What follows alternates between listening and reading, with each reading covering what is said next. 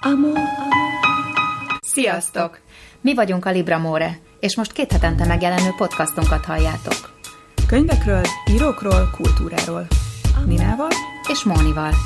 Libra More. Hallgasd, olvasd. Sziasztok! Sziasztok! Ez a Libramore 42. adása, ami hihetetlen szám. Az még hihetetlenebb, hogy most el is találtuk, hogy hanyadik adás. Azért mostában elég jók vagyunk ebben. De most igen, már jövünk. Az, első, az elején még könnyebben ment, amikor még csak a igen, egy-egy nagyon jók vagyunk, de igen. egyébként igen. És egy tök izgi adásunk lesz ma. Tematikusan választottunk egy tök kompakt adást. Most csak mi ketten leszünk. Ugyanis a mai adásnak azt a címet adtuk, hogy olasz irodalom, avagy van élet Ferrantén túl. Úgyhogy ha valaki már így kikapcsolná ösztönből, hogy elég volt Ferrantéból, nem sok Ferrantét fogtok ma hallani. Igen. Nagyon szeretjük egyébként Ferrantét, de pont ez adta amúgy a témaválasztást mert hogy tényleg most így valahogy csak a Ferrante családnak a könyveit olvastunk gyakorlatilag, ami nem baj, mert ők tök jók voltak, nagyon szeretjük, meg majd még később vissza is fog térni egyébként Ferrante még a, az idén valamelyik adásunkban, uh-huh. mert azért ő aktuális. De azért vannak más jók is még Olaszországban, kicsit olyan lehet ez, mint amikor egy magyar író próbál a nem tudom, a, a Grecson, meg a Nádason, meg a... Igen, nem, meg a Krasznal. Nem annyira jó példa. Igen, mondjuk igen, végül is, de hogy próbáltam ilyen nagyon népszerű, tehát ilyen populárisabb könyveket. Vámos Miklós. Vá- igen, tehát ezeken, a, ezeken túlmenően is azért léteznek uh, olasz Ja, és ak- akit nem Umberto Eco-nak hívnak. Mert és... ugye azért Umberto Eco is uh, eléggé, ja, hát elég komoly védjegye lett gyakorlatilag így az egész olasz irodalomnak azért pár évtizedre. Igen, és Alessandro Baricco is szorosan a nyomában. Igen. Tehát ha valaki két írót tud említeni, azt hiszem, akkor ők ketten Igen. azok. Viszont ma, ma megígérem, hogy főleg főleg kortás, mhm. most aktív és viszonylag fiatal írókról fogunk beszélni. Én azzal kezdem, hogy végeztem egy kis akna munkát, olasz órán megkérdeztem kedvenc tanáromat Francescot. Ez mennyire autentikus, nem? Egy, egy, ennyi. Igen. Együtt kinyitottuk ott a libri.hu. pizza receptet kérsz tőle. Nem egyébként, Francesco pont ezeket nem lehet, de megkérdeztem tőle, hogy mi az, ami most nagyon megy Olaszországban szép irodalomból, és le is ellenőriztük magunkat a Libri olasz honlapja segítségével. A number van az Ferrante ott is, tehát Aha. hogy mondtam, hogy azt ugorjuk. És a második, harmadik helyezett, a második helyezett Antonio Scurati, akit még most nem ismerünk, viszont az a nagyon komoly, hogy Antonio Scurati írt egy olyan könyvet, tavaly szeptemberben adták ki Olaszországban, M, a 20. század gyermeke, Alcím az első regény Mussoliniről, avagy a fasizmus DNS-e, és az a nagyon durva, hogy most november 25-én nálunk is kiadják majd. Komolyan, és honnan van meg neked az a nagyon titkos belső info? Én beütöttem az internetbe, hogy izé, a bokrányba, előrendelhető, és nem hiszed el, a művelt népkönyvkiadó ne, fogja kiadni. Komolyan ami, tehát, hogy többszörös, én nem is hallottam még róluk egyébként. Hát, nem. És akkora szenzáció hát ez a... Ulpius. Ja. Egykori Ulpius az a... Köszönöm szépen. Úgyhogy így már hallottam. Na, így most már hallottam. Mert szerintem mindenki, aki az első becsődölt könyvkiadó. Igen, abszolút. Nagyon látványosan, nagyon durván becsődölt, és nagyon komoly adósságot hagyott maga után, ugye annak idején az Ulpius. Na akkor innen az ízlésük. Igen. Tehát megmaradt a szellemi tőke. Igen, az, igen, az, igen. Az, igen a, a könyvválasztásban azért eléggé, eléggé jól megy nekik. Azért remélem, hogy most már, most már változtattak a pénzügyi, meg az, az üzleti modellen. Hát egyébként az okos ember a kudarcból tanul, úgyhogy... Na mindegy, lényeg a lényeg, hogy, hogy most egész Olaszország meg van őrülve ezért Aha. a könyvért, és hogy Mussolini-t végre valaki helyén kezelés, regény, tehát a regényforma nekem nagyon furi, úgyhogy uh-huh. nagyon kíváncsi leszek erre.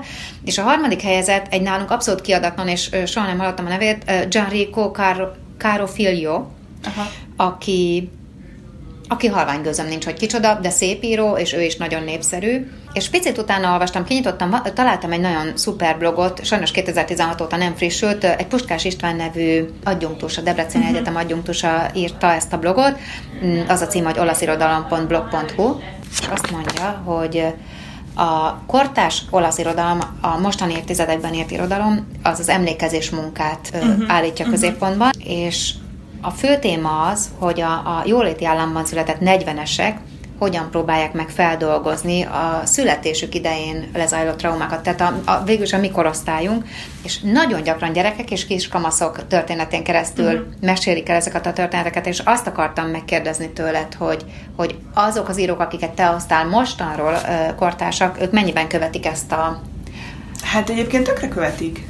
Mondjuk csak hogyha a Paolo Konyetit mondom, ugye a Domenico Starnone kapcsán Barna Imrével, amikor uh-huh. interjúztunk, ő tök hasonló volt, uh-huh. hogy ez egy nagyon-nagyon divatos téma, uh-huh. tehát ezek szerint ő is nagyon jól tudta, hogy miről beszél. Ugye Starnoninak, bár nem jelent még meg más regénye magyarul, csak a, csak a, a hurok, uh-huh. de az ugyanerről szól, tehát ugyanez a faj. Nem, nem ugyanerről szól, bocsánat, a más regénye szól erről, ez érintőlegesen szól. Uh-huh. A Konyetti regénye szerintem tök a nyolc hegyére, amiről odákat zengtünk már párszor, Uh, ugye abban is azért ez egy nagyon hangsúlyos szál. Amit én uh, kortás olasz írótól olvastam, a Prim számok magánya, Paolo Giordano, ott, ott nem, nem, nem annyira ez van benne, az egy sokkal személyesebb dolog, uh-huh. ott az ilyen nagyon súlyos családi tragédiák, gyerekkori családi tragédiák, meg ilyen bűntudat érzése, hogy az mennyire teszi lehetővé, illetve az ilyen nagyon, nagyon introvertált személyiségeknek a felnőtt kori léte, az mennyire tud tud függetlenné válni a gyerekkori traumáktól, illetve hmm. mennyire tudnak túl, tovább lépni, hogy abszolút azon benne, hogy egy nagyon-nagyon durva gyerekkori trauma, amit sem ő, sem a szülei nem dolgoznak fel, az a, egy testvérek az elvesztése, az egyrészt hogyan hat a hmm. család összes tagjára, hmm. plusz hogyan hat az egy, egy ehhez kapcsolódó nagyon erős bűntudat, hmm. érzés, meg felelősség hmm. érzés is, hogy, hogy el lehet -e, túl lehet ezen lépni. Uh-huh. És nagyon érdekes, maga a sztori egyébként jó, nekem nem volt teljesen pozitív, tehát egy kicsit ilyen egy nagyon-nagyon sikeres regényről van szó uh-huh. egyébként. Talán, talán ez nyert Premio Stregát is, um, vagy csak jelölték, vagy nem tudom, hogy, hogy de hogy, vagy egy másik könyve volt, nem Jordanak, de hogy eléggé népszerű íróról van szó, kortárs olasz íróról, és itthon is egyébként népszerű könyv volt, meg jó értékelései vannak, a Majon is, meg, meg jó kritikákat kapott, de nekem egy kicsit ilyen, ilyen felfújt aha, sztori, aha. Ami, amiben nagyon sok az ilyen öncélú szenvedés, és valójában de most a mélysége a könyvnek az nem annyira, nem annyira mély. Tehát nagyon sok benne ez a, nem is tudom, hogy hogyan fogalmazzam meg, de, de amikor több érzel vala, azt érzed egy könyvvel kapcsolatban, hogy ez nagyon szeretne, nagyon, nagyon szép irodalmi, igen. nagyon igen, mélyen igen. filozófikus és nagyon, nagyon belemenő uh, sztori lenni, de közben nem jön neki össze, mert hogy van, van az egész mögött egy ilyen, amikor úgy csinál, úgy ír meg valamit, hogy tudja, hogy ez, e, e, ilyet akarnak Tudom, az nagyon ismerős. ilyennek mm. kell lennie, de közben nincs meg az a mélység, amit azt mondod, hogy igen, ez, ez tényleg tökre döbbenetes, és sokat, nagyon sokat adott mondjuk neked. Nem ad annyit az a regény. Tudod, mit ott erről eszembe, hogy miért lehetett annyira sikeres? Halvány gözön nincs, nem olvastam a könyvet, de a Dimitri Glukovsky, aki ugye nagyon-nagyon jól nyilatkozik, nagyon jó brandje van, mert nagyon jó képű a fiú, már úgy, hogy jó kiállású. Igen. Kedves, hogy hívják ezt a srácot, akit említett? Paolo Giordano. Bocsánat, még nem, Paolo Giordano, és most belenéztünk egy interjúba, és, és hát van, Igen. van egy megjelenés, egy sárnya, Igen. úgyhogy lehet, hogy ő is egy tök jó brand, felépítette abszolút, magát. Abszolút. Tehát itt látom a párhuzamot, hogy ez is lehet mögötte, Igen. hogy jól eladható, Igen jó az arca. Ugye Magyarországon is van olyan író, aki a sármiával fele annyi könyvet el, tehát a könyv eladásai fele a sármiából származtak, Igen. származott, úgyhogy ki tudja, én még előtte állok lehet, az elolvasásnak. Lehet, de mondom, alap, nem tudom. Azért nem egy barikó.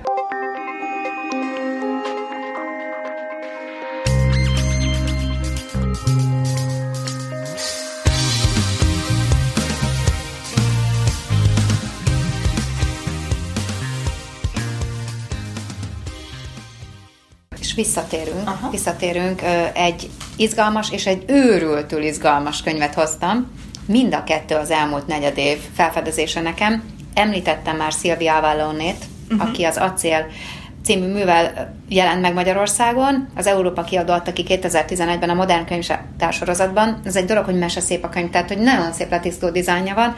Ezt már említettem talán egy mondattal az egyik korábbi adásunkban, hogy Ferrantéval nagyon párhuzamosan fut a tematikája, olyan szinten, hogy egy barátnő párosról van szó, Aha. akik nyomornegyedben, munkásnegyedben Teljesen, nőnek igen. fel, csak nem akkor, amikor a, ugye a 70-es években, uh-huh. 60-as években, a, mikor, játsz, mikor Mhm. Hát nőnek, sőt, sőt 50-es, 50-es években 50-es, nőnek fel a lányok karanténál. És aztán nálunk majd a, igen, tehát a Igen. 50-es, 60-as, aztán 70-es, folytatódik. igen. De itt ez a két lány most a 80-as években nő fel, 80-as évek vége felé.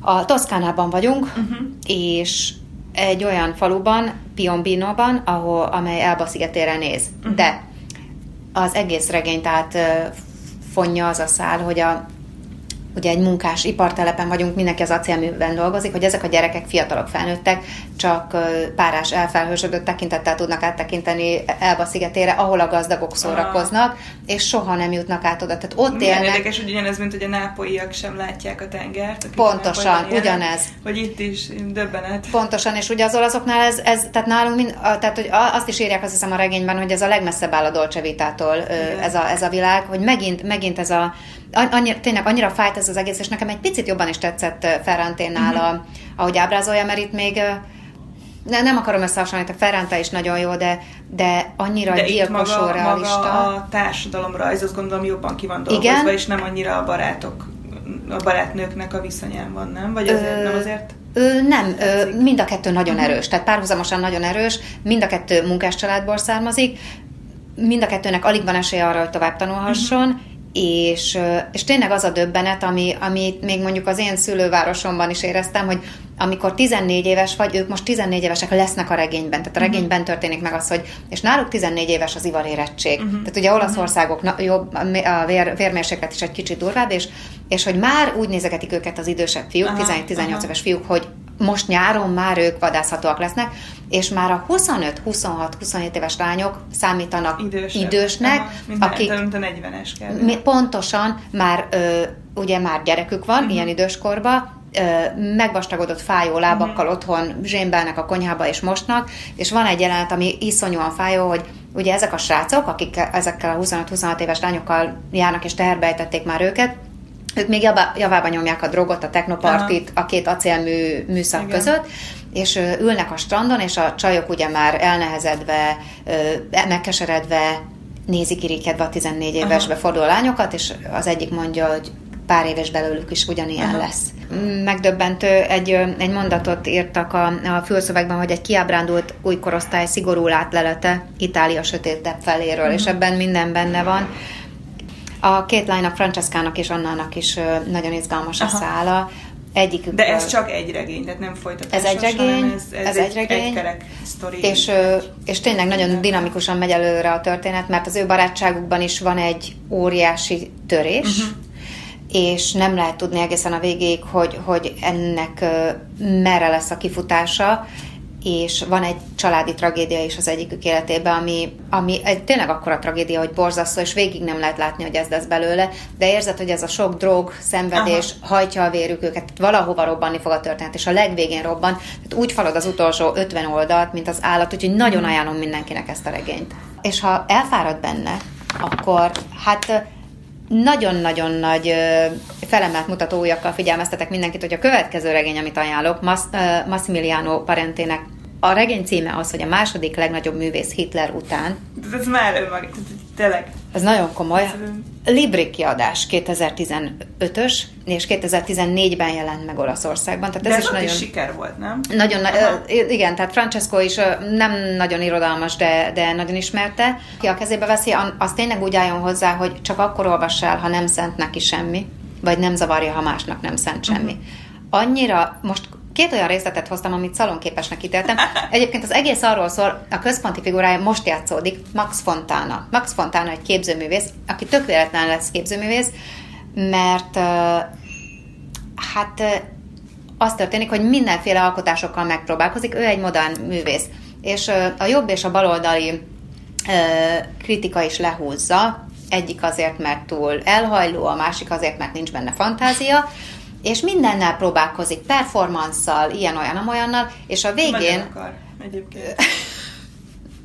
Igen, tehát, hogy egy óriási botrány, botrányos cselekedetet hajt végre Aha. egy kiállításon, egy modern tárlaton, és ez egy és ez egy csapásra híressé teszi. Tehát ettől ő egy modern művész lesz, aki újra definiálja a modern művészet Aha. kereteit. És tényleg olyan híres lesz, hogy valami őrület az egész világon. Mindenki vele akar interjúzni, és onnantól kezdve, ha ránéz egy képre, az műalkotás. Uh-huh. És a barom, az kitalálja, hogy a Max Fontana Signo, az MF, az egy keresztre hasonlít, és mivel több szempontból Hitler a példaképpen, mindjárt elmondom, hogy miért, tehát, hogy ha valakinek, valakin anyagilag segíteni akar, például egy, egy nőnek haldoklik a férje, és tudja, hogy a nőnek nincs pénze, és nem lesz utána pénze özvegyként, és oda, oda rajzol tollal a kezére egy horogkeresztet, és onnantól kezdve a csaj később, néhány száz oldalal később a csaj hálálkodik neki a sajtónak, milyen híres hogy milyen, milyen híres és milyen gazdag lett, mert hogy egy műalkotását tette őt Max Fontana. Tehát, hogy teljes elmebetegség.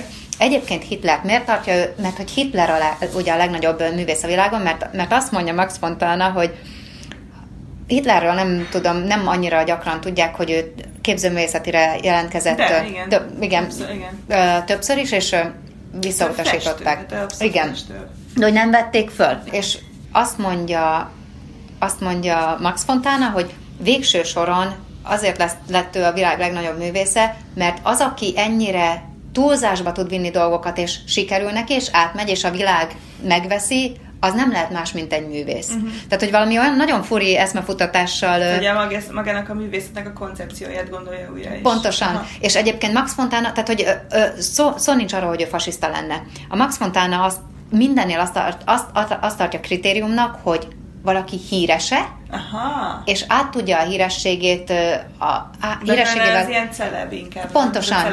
De úgy, hogy a magánál kevésbé celebek, celebeket nem tiszteli, Aha. Hitler az egyetlen, aki nála nagyobb celeb, és, és ezért mindent megbocsát neki, tehát hogy, hogy egyáltalán a fasizmussal nem ért egyet. De ezzel de is ha ez kell, ahhoz, ha, hogy, igen, hogy világhírű de pontosan, de hogy akkor... ő úgy van vele, hogy ez nem személyes hogy a zsidók ellen. Egyszerűen ez kellett ahhoz, ez hogy Hitler ez akarata. Most felolvasok, felolvasok két részt. Ez nagyon kemény. De ez egy akkora barom, ez, ebben Hitlernek a bajuszáról filozofál.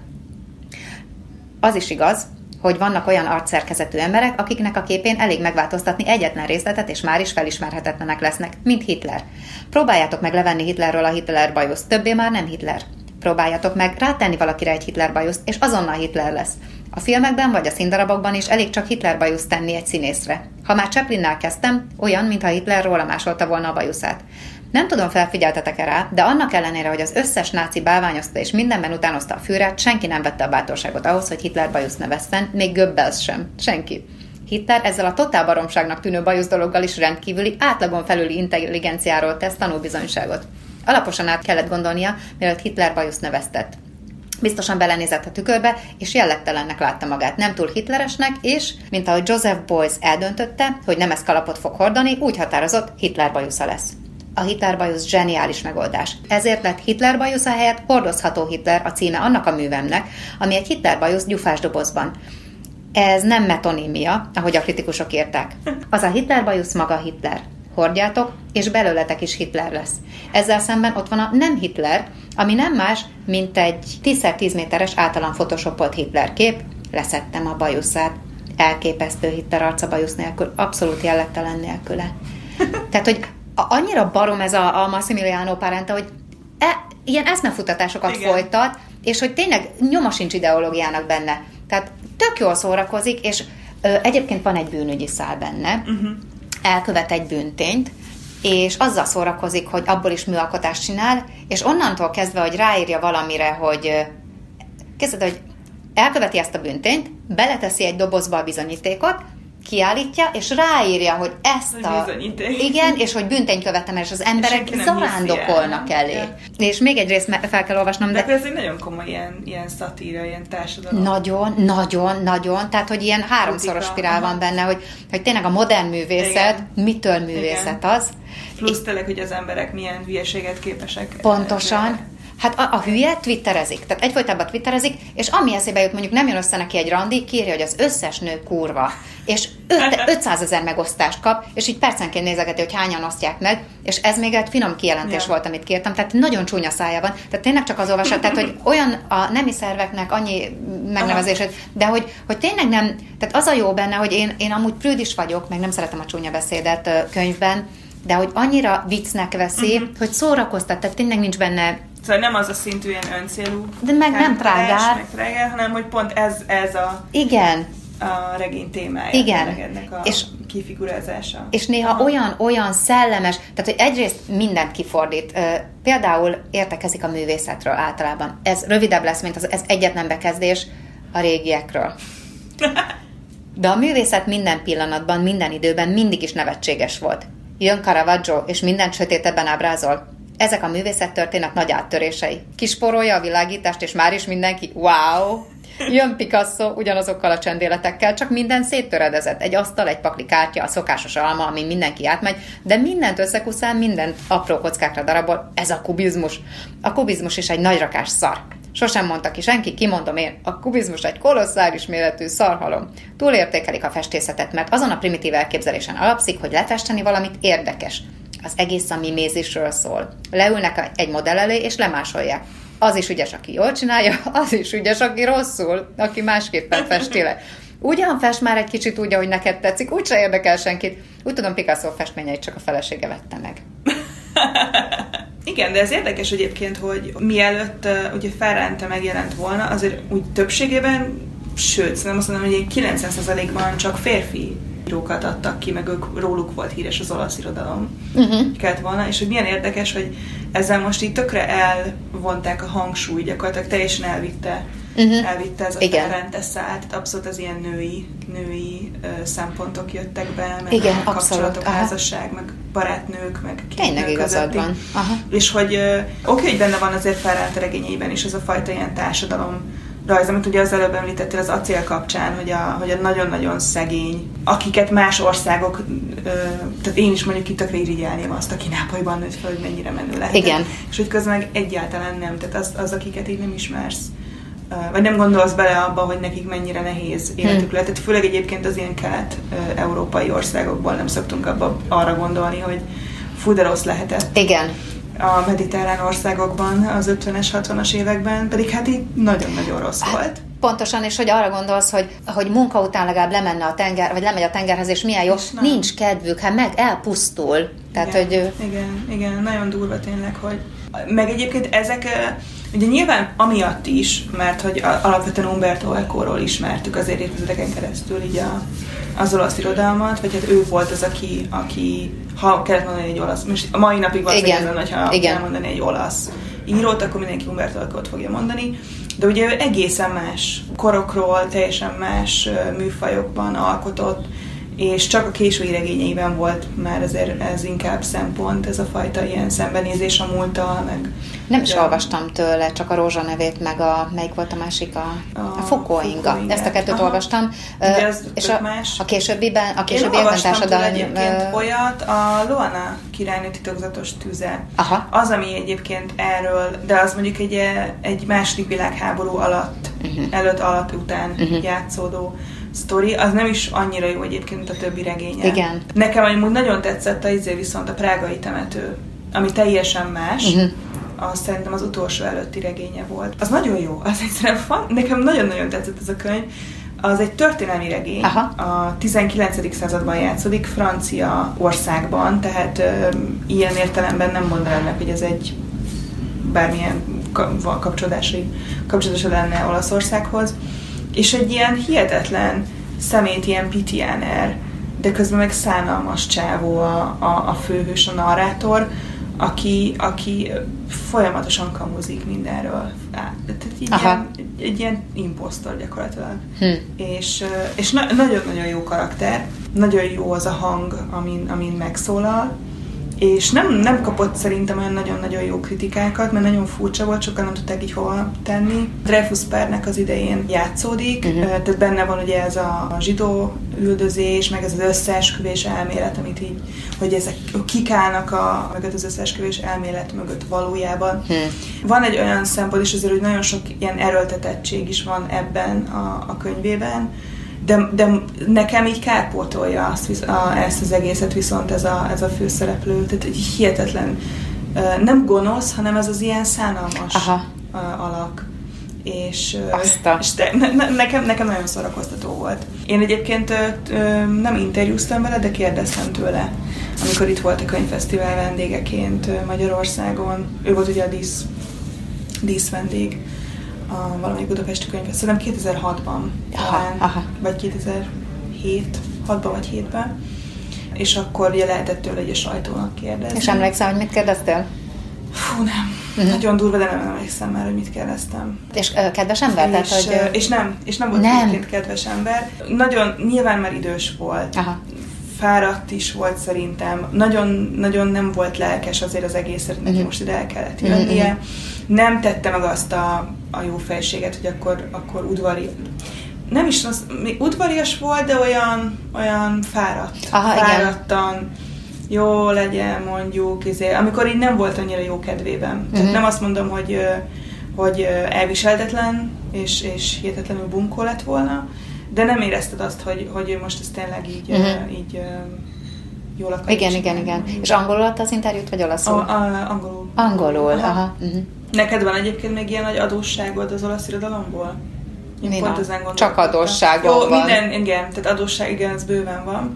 De most így, így jobban belegondoltam, egyébként nekem Italo Calvino az, aki totálisan nagy adósság, és mindig így elhatározom, hogy most már tényleg, mert ez nagyon gáz, hogy nem olvastam még tőle semmit, Viszont mindenképpen el fogom olvasni a Hitler utáni második legnagyobb művészt. Igen, a második legnagyobb művész Hitler után. Igen. Meg kell tanulni olaszul, jó úton járok, vagy járunk.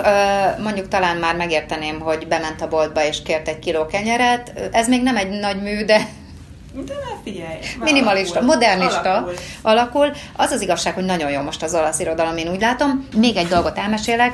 Megjelent néhány évvel ezelőtt Giorgio Vastától a Megfogható idő, a Lármattan kiadótól, és azt olvastam ugyanezen az olasz blogon, amit említettem az elején, hogy ez is ugyanúgy három kiskamasz uh-huh.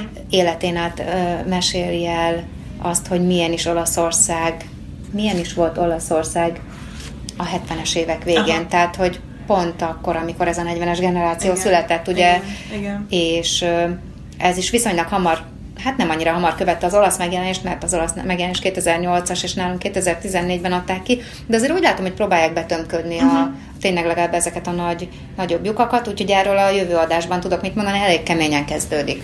Ilyen tizennéhány oldalon vagyok túl idefelé a metron, de jó lesz ez.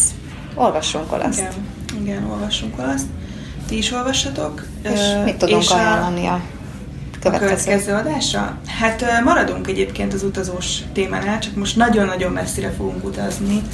Egy kb. 20 órás úttal elérkezünk a távol-keletre.